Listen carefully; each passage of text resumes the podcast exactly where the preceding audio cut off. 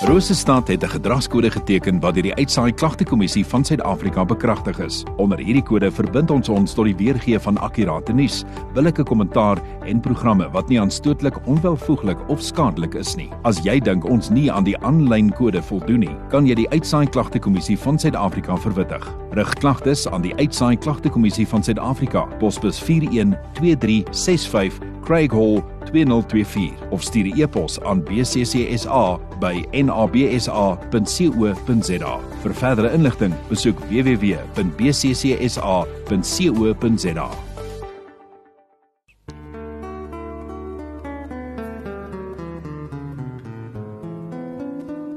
Tyd vir die oggendoordenkings op 100.6 FM. Ek is vervloeien saam met jou en 'n goeiemôre ook en welkom. Onthou as jy dalk enigsins uitmis op een van die oordeenkings of die godsdiens, kan jy altyd gaan terugluister na potgooi sal jy altyd kry op rosestand.co.za.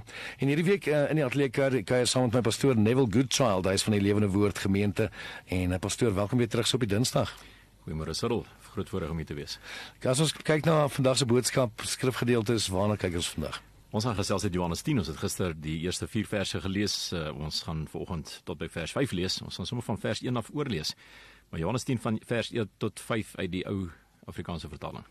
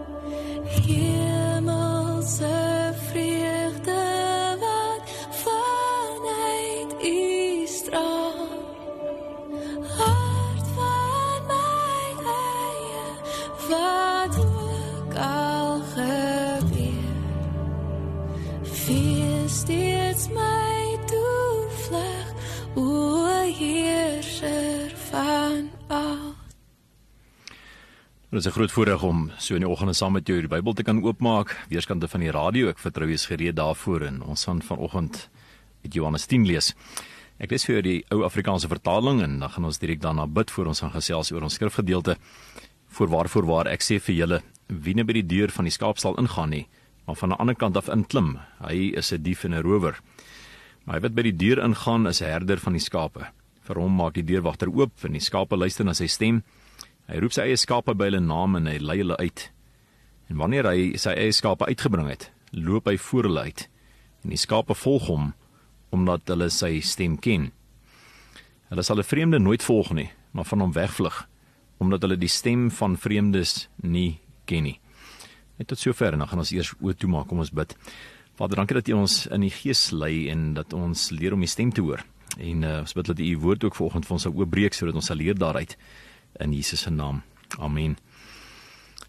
Ek wil 'n uh, eh, bietjie klem lê vanoggend op 'n uh, tweede gedeelte van ons skrif wat ons uh, vanoggend bygelees het en dis vers 5 wat uh, iets aksentueer wat ek dink jy moet werd is om by stil te staan.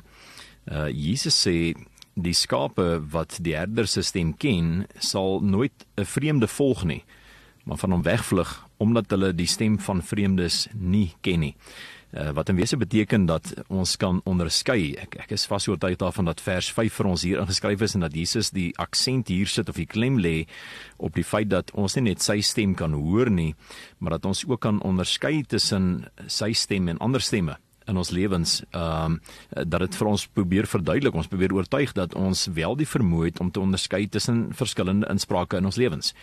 Uh tussen stemme in ons lewens verskillende stemme. Uh wie leiding gee in watter omstandighede?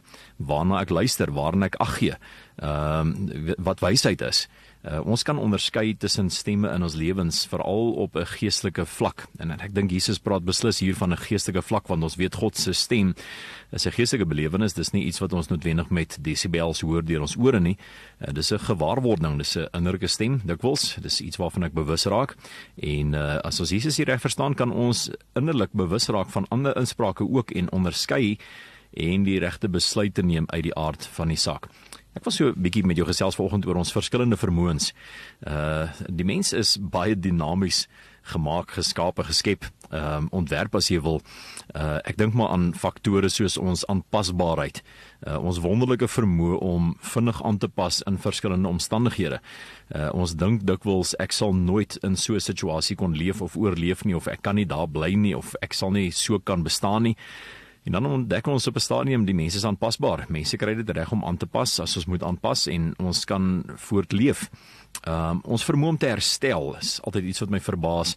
Is die mense eie liggaam wat die wonderlike vermoë het om homself te kan genees in baie gevalle te herstel, gesond te wees, weerstand te bied en so meer.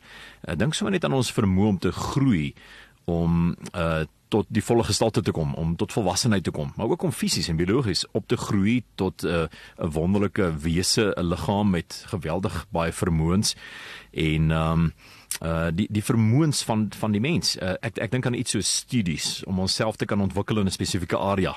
'n Wonderlike vermoë van die mens om uh oor iets te kan leer en te kan spesialiseer in rigting en baie te weet van 'n spesifieke area. Dis 'n dis 'n wonderlike vermoë.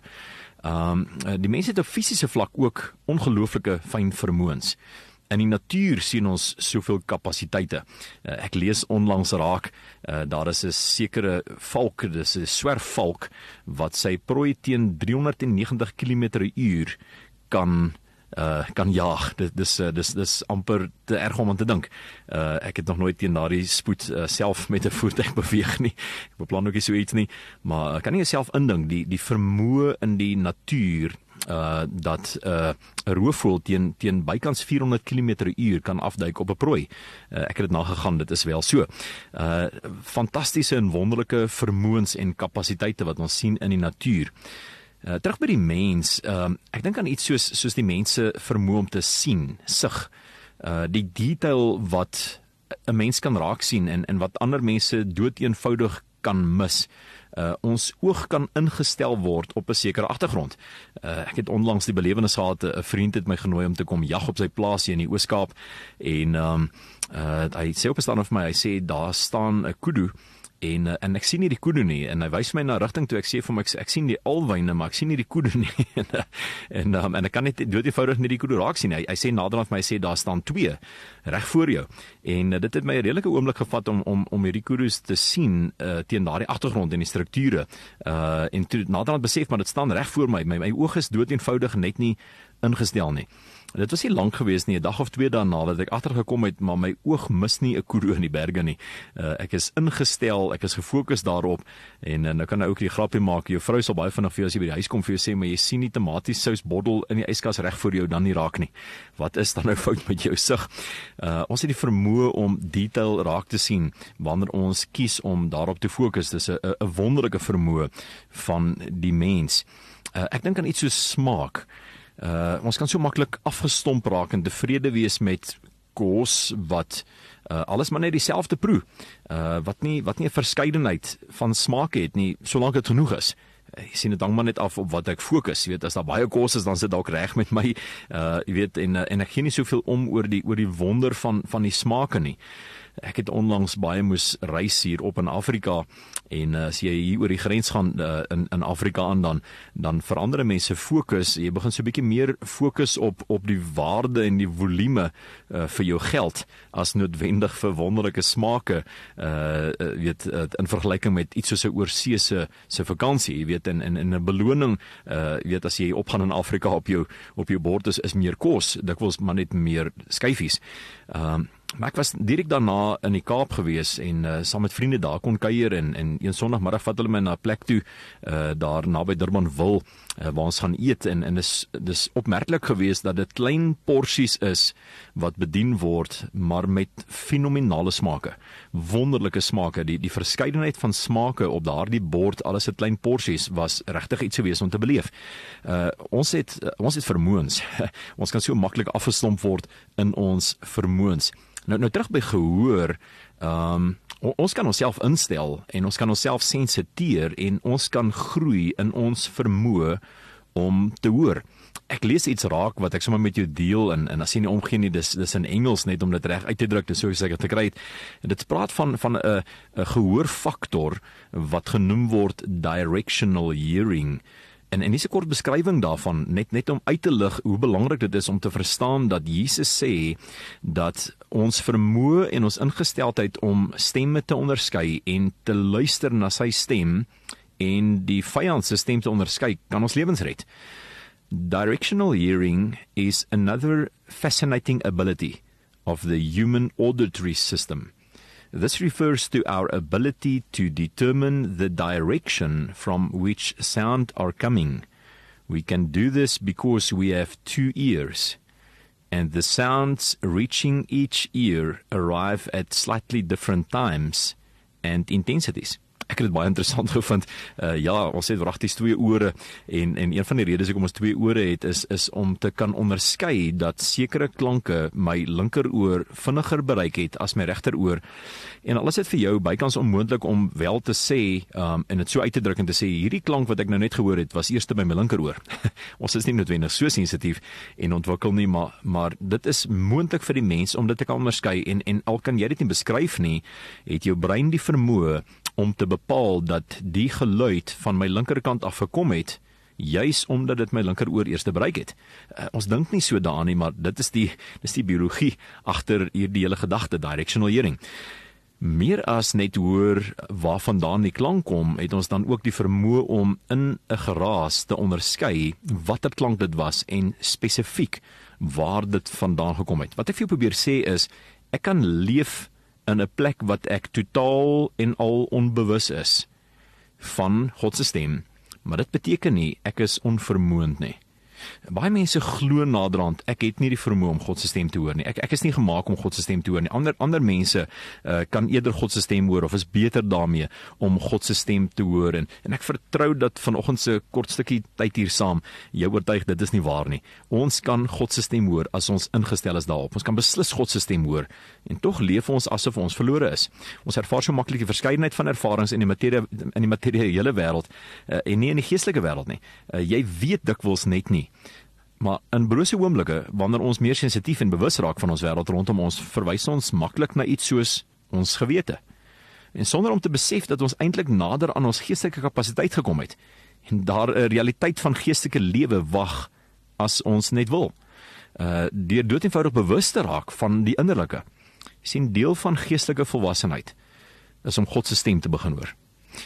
Vraag is het jy geleer om God se stem te midde van 'n klomp geraas te hoor?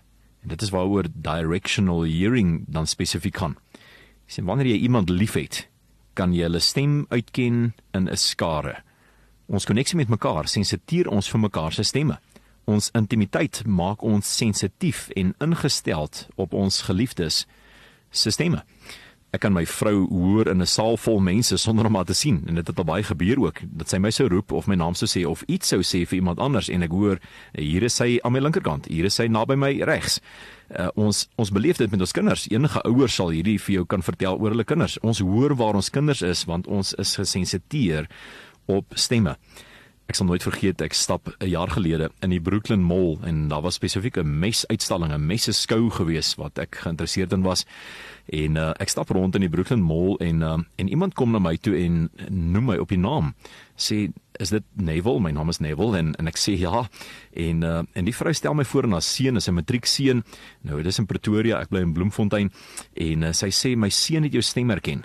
En ek is heeltemal uit die wind as uit my seile uit ek dog waar vandaan ek ek sê ek weet van waar af sal hy my stem herken. En sy sê um, jy weet dit nou nie maar ons luister na julle uitsendings. Elke sonoggend verby kan sy jaar al eintlik van na die COVID lockdown af luister ons daarna en hy het jou gehoor praat met iemand by 'n tafel oor messe en vir sy ma gesê ma hierdie moet die oom wees wat ons na luister in die oggend. Uh, ek dink dis 'n fantastiese vermoë. Um, ek dink ek het besondere stem nie. Ek dink dit is 'n fantastiese vermoë van 'n jong man om 'n stem te kan uithoor en om te draai en te sê hierdie moet die persoon wees wat ons se stem ken. En um, ek wil jou vanoggend aanmoedig en ek vertrou ek oortuig jou daarvan dat as jy jouself instel op God en God jou geliefde maak, dat jy sy stem gaan begin uitken te midde van 'n groot lawaai en terug by Johannes 10 vers 5 nee sal sê vir vreemde stemme en weg sal vlug van vreemde invloed af. Vader, dankie vir die stem in ons lewens. Dankie vir die gees wat ons lei en dankie dat U ons innooi na 'n plek van verhouding toe wat ons U stem leer ken. Amen.